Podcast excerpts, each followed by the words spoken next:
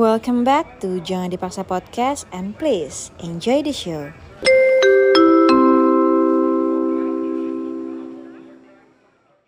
Jan, lu pernah nggak kepikiran kayak Hmm. seumur hidup lu gitu, lu pengen switching karir, Jan? Well, tiba-tiba gua ngomong beginian lu. Switching karir. Nih kalau gua ngomongin bos bos gua denger pusing nih. Pusing, kaget nanti. lu kepikiran nggak pernah kayak, kan lu sekarang lu punya job dengan titel tertentu kan? Yes.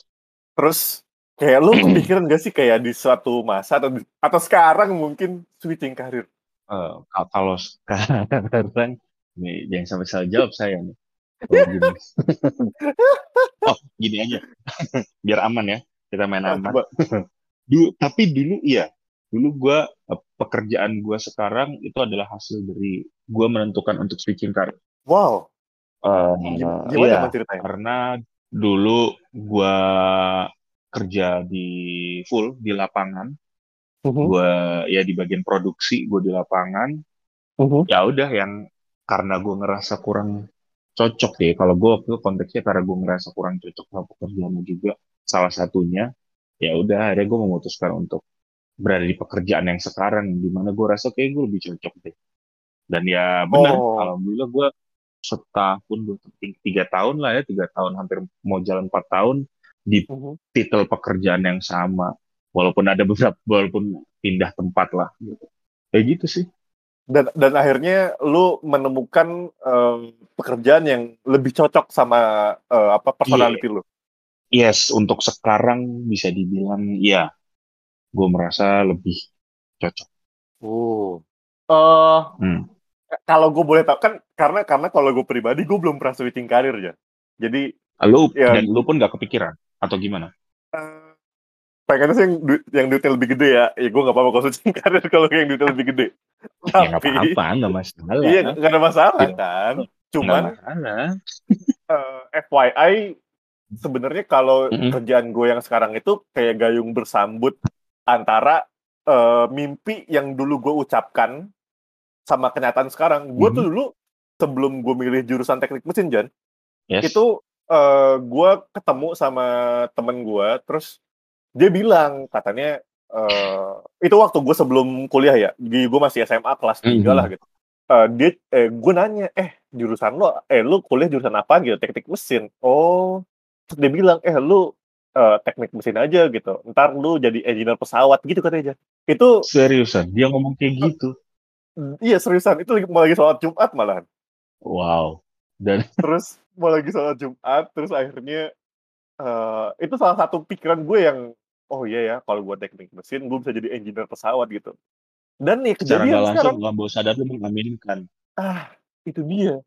Padahal itu temen gue juga gak deket-deket banget gitu Jan. Cuman itu salah satu cerita yang berkesan aja buat gue gitu itu itu, apa ya ya hal-hal kayak gitu itu hal yang nggak bisa dijelasin tapi itu ya menarik gitu Ah, itu dia nah ya, ya. eh makanya cuman kemarin Jan kebetulan eh Mhm. ada Hmm. eh, inbox jangan dipaksa podcast tiba-tiba ada notifikasi Jan wow wow wow wow berarti Itu- ada yang ngirim cerita dong ya gitu dong ada yang ngirim cerita selain ngirim tagihan ya sekarang ada yang ngirim cerita hmm? kirim tagihan ada yang ngirim cerita tentang pengalaman dia eh, salah satunya Oke. switching karir dan gimana kerasnya Hmm. pandemi ngehantem dia dari di layoff dari pekerjaan dia yang saat itu Jan. Ah. oke oke coba sambil gua buka coba sambil lo buka di eh, jangan dipaksa podcast at gmail.com sih promosi promosi. Ah. Oke. Oh iya ada nih itu. Ini gua tar dulu. Tar gua lihat dikit. Coba lo, lo pirit Oh, Jan lo pirit. ya. Dipi- dipirit dipirit. Anonim Jan Iya anonim ya. Nggak maksudnya gini gue tadi mau baca emailnya. Gue mau baca nama email ya tadi. Tapi gue baca Uh. dulu. Minta dia anonimin ya. Oke oke dia. Ih, seru banget ya Jan nih dia Udah, anonimin iya. Seru banget. Udah anonim. Nggak masalah nggak masalah. Gue coba baca kali ya. Nah lo coba baca terus eh, nanti kita bahas oke. Oke ini eh, pertama kali ya perdana kita dapat cerita ke email kita Mhm. yang diperiksa.podcast.gmail.com.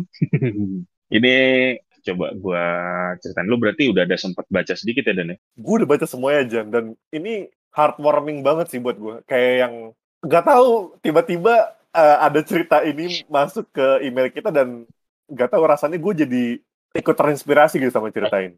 Ah, oke oke oke. Oke, langsung gue bacain. Em, jadi ceritanya gini. Ini mau cerita pengalaman sendiri sih. Mungkin di luar sana ada beberapa yang di posisi gue atau pernah ngalamin apa yang gue alami ya. Oke, ini buat yang denger ini gue bacain persis sama apa yang di email orang ini ke kita ya. Ya, yang artinya ini bukan ceritanya Ojan gitu. Ah, Iya, bukan. Gue ngomong gue bukan artinya gue. Ini gue Iya. si yang ceritain si anonim ini. Si Mas siapa ya? Mas Bambang inilah ya. Eh, Nanti ba- Bapak dicari Jan, jangan jangan anonim aja. Oke, oke. Ya, jadi ini tentang gimana struggle-nya gue ketika kena layoff dari perusahaan di 2020 bulan November. Gue layoff di saat gue lagi menempuh kuliah S1 gue, wow. Yang beruntungnya tinggal sidang aja. Waktu itu gue, eh, salah bacanya, menempuh kuliah S1. gue yang beruntungnya, oh pada saat itu dia lagi tinggal sidang aja nih. Mhm. Jadi dia merasa nggak begitu banyak tanggungan. Oke. Singkat cerita, after gue lulus sarjana di April 2021, wow, arti dia lulus. Gue Iya semangat lagi untuk mencari kembali, tapi kenyataannya gue sampai 2022 masih belum kerja lagi. Tabungan makin tipis karena dari planning paling tidak enam bulan setelah kena layoff bisa dapat kerjaan baru. Ternyata tidak. Hahaha, galau banget. Frustasi juga iya. Sedih ya. Tapi ahahaha. Eh, panjang tuh Jan, emang ketawanya Jan. Oke, ya. Dari November 2020, gue selain mikir skripsi dan persiapan sidang, gue juga mikir nanti masih bisa bersaing dengan lulusan baru yang di bawah gue atau enggak. Sempet juga mau coba cari beasiswa, ternyata banyak gagal juga dari administrasinya, entah itu nilai TOEFL, nilai IPK atau kesehatan. Gue ngerasa pada 2021 masih bisa bersaing.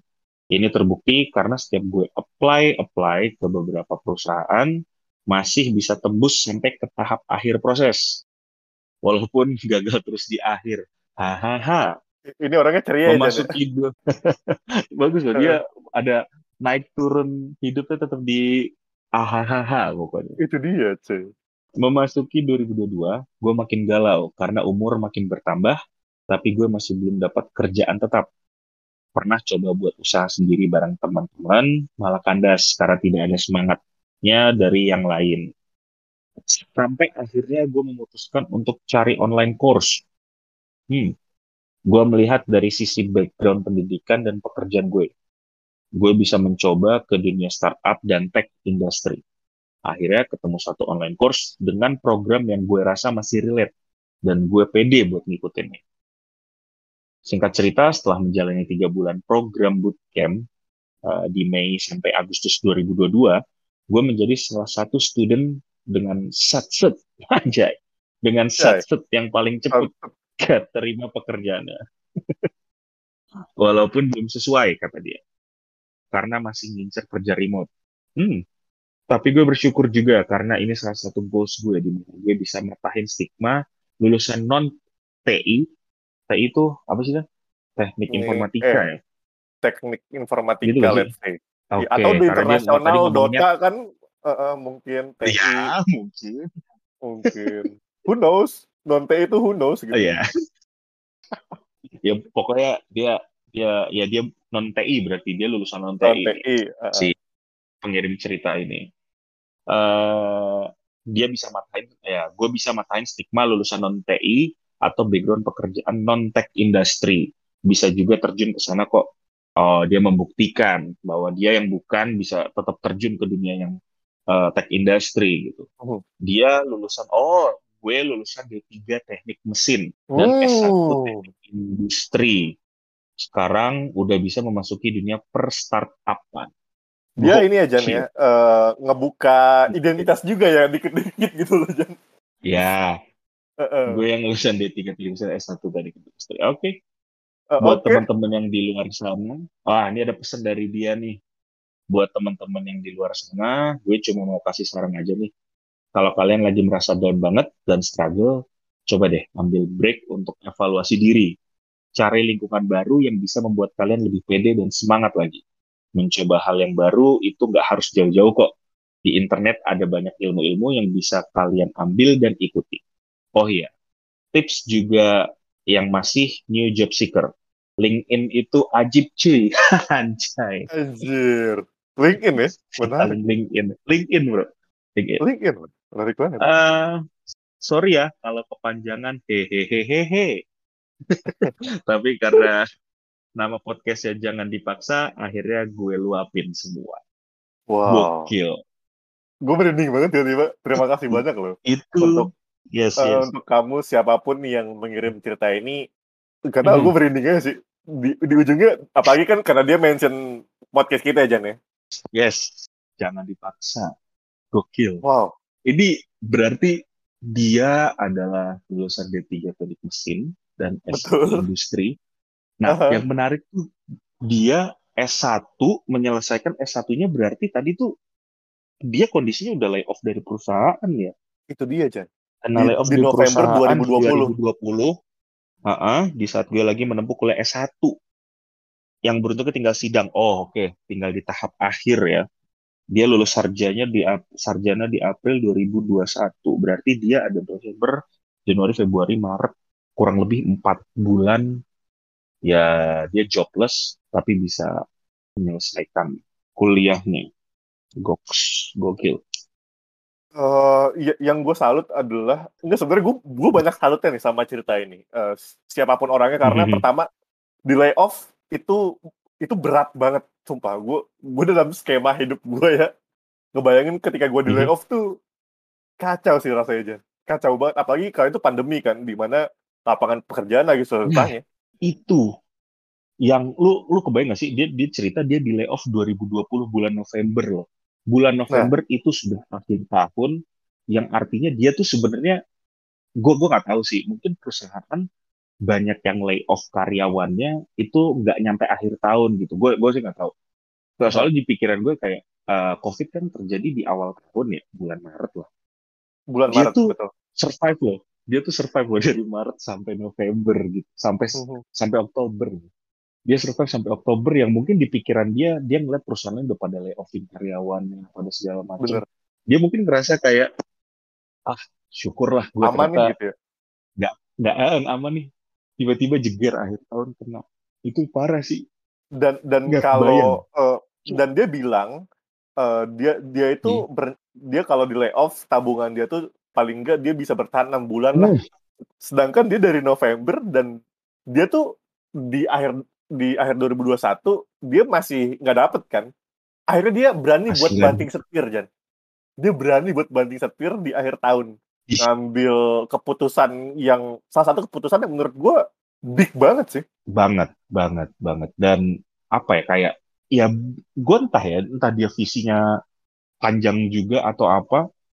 Ya dia memutuskan bener-bener apa ya? Menurut gue sih keputusan dia pun tepat sasaran juga lagi dengan situasi ya. Udah udah inilah tahu semua yang denger juga pasti pada ngerti lah kalau istilah industri 4.0 bla bla bla bla gitu. Buat yang udah gawe paham lah. Itu kan pasti kan ya, pekerjaan-pekerjaan yang kayak dia pilih ini nih di bagian tech industry gitu tuh kayaknya pasti bakal dar dar dar lah pokoknya. Dan dia memilih bisa dibilang dia mungkin dapat apa ngambil pilihan yang tepat juga sih. Untuk ininya dulu ya untuk apa step awalnya dia ngambil pilihan yang tepat sih. Keren bro. Wah, Bisa sih. gitu ya? Ini, oh, ini juga jadi apa ya? Pertama turut sedih ya. Gue nggak tahu nih pengirimnya siapa, entah temen kita ya, entah temen kita atau bukan.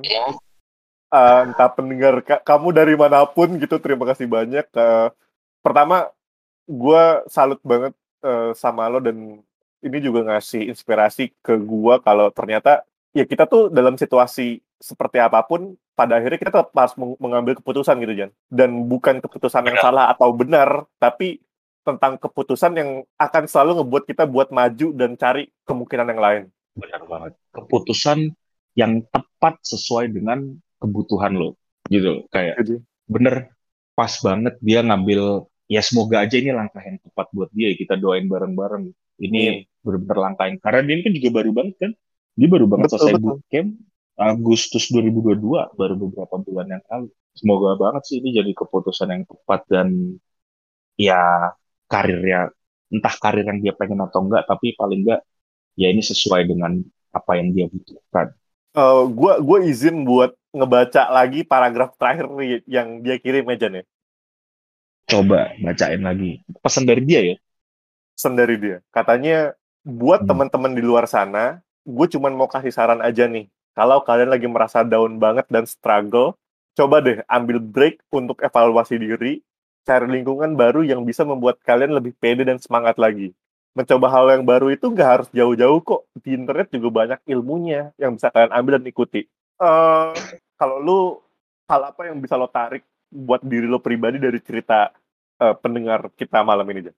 Ini salah satu hal yang dia ceritain itu bener-bener hal yang kurang lebih pernah gue pikirin mungkin setahun yang lalu kali ya. pokoknya mm-hmm. setahun atau gue lupa tepatnya kapan gue lupa yang pasti gue waktu itu pernah ada pikiran bener-bener sama persis kayak dia coba cari uh, course yang yang apa yang mungkin gak ada hubungannya sama bidang apa jurusan kita juga gitu. jurusan gue gitu cuma nggak nggak kejadian di gue gitu karena entah ya mungkin terlalu males kali ya atau bisa apalah alasan-alasan apa pun itu gitu yang endingnya ya gue nggak jadi gitu ya. Hmm. tapi syukurnya gue mendapatkan pekerjaan yang ya gue cukup enjoy lah menjalani si job testnya ya gitu. Dulu gue bener-bener pernah ngerasa apa ada di posisi itu mau coba cari course-course kayak gitulah. Jadi setelah gue baca tadi cukup menampar gue dan dalam hal? menarik sih. Uh, ya, itu tadi. Kalau apa ya kayak uh, berani ambil big stepnya itu loh. Gue gitu rasa ah uh, ke depannya nih thank you banget nih buat yang ngirim ini. Gue jadi kepikiran sesuatu lah. Buat nyoba sesuatu. Wow. Ya kita lihat nanti lah ya. Kita lihat nanti. Uh, kalau gue aja nih. Ah, lu gimana lu Kalau gue uh, pertama gue nggak tahu ya, tapi nggak gue rasa nggak semua orang bisa punya keberanian buat ambil big move kayak gitu ya. Setuju. Uh, da dan uh, dia ngajarin gue secara pribadi kalau kalau ada mau sesuatu yang berubah dalam hidup kita ya mesti dimulai dari kita sendiri dulu gitu loh. Kita nggak bisa berharap menunggu yeah. sesuatu datang dari orang lain gitu Jan. Emang perubahan itu harus dimulai dari diri kita dan apa pun resikonya ya take the chance gitu loh. Uh, ambil hmm. dan jangan disesali. Itu sih kalau gua nangkep dari cerita ini. Oh, kalau dari apa yang lu tangkep tuh garis bawahnya tuh ada di kalimat evaluasi diri. Evaluasi itu diri. Keren sih itu. Gue gue gak habis pikir aja sih dia uh, punya pikiran kayak gitu dan berani, sih, dan parah. berani untuk ngelakuin dan mungkin sampai tahap sekarang dia bisa dikatakan berhasil ya atas pilihan dia. Menurut gue dia berhasil banget ya. Dia berhasil banget dalam apa pun gitu ya. loh. Dan gue siapa pokoknya siapa pun ya kamu nih yang ngirim cerita ini, ayolah kita cerita cerita lah, kita ngobrol bareng gitu. Gue jadi pengen ketemu. menarik menarik menarik kali ya, lu ada kali lu yang ngirim dia lu siapa lu siapa pun lu lah kali aja uh -huh. lu ada perkembangan baru sama pekerjaan lu gimana lingkupnya lu bisa kali bisa sharing-sharing lagi karena cerita lu kali ini bener-bener ya menurut gue sih pasti ngasih inspirasi sama banyak orang. Keren. terima kasih banyak. Kayaknya jangan kayaknya kayaknya emang perlu banyak orang yang ngirimin email kita kayak gini deh Jan.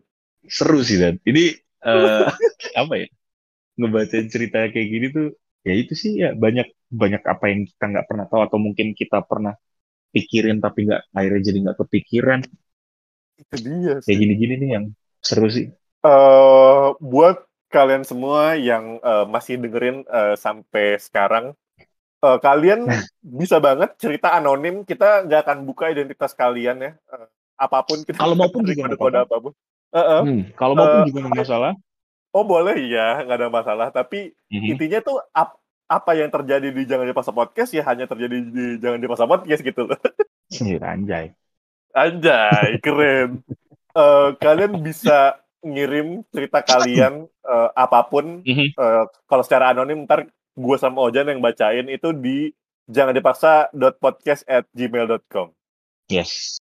Silakan Sama, kirim eh, cerita kalian. Sila- silakan kirim Nggak, nggak, nggak, nggak harus cerita kayak tadi. Yang Mhm.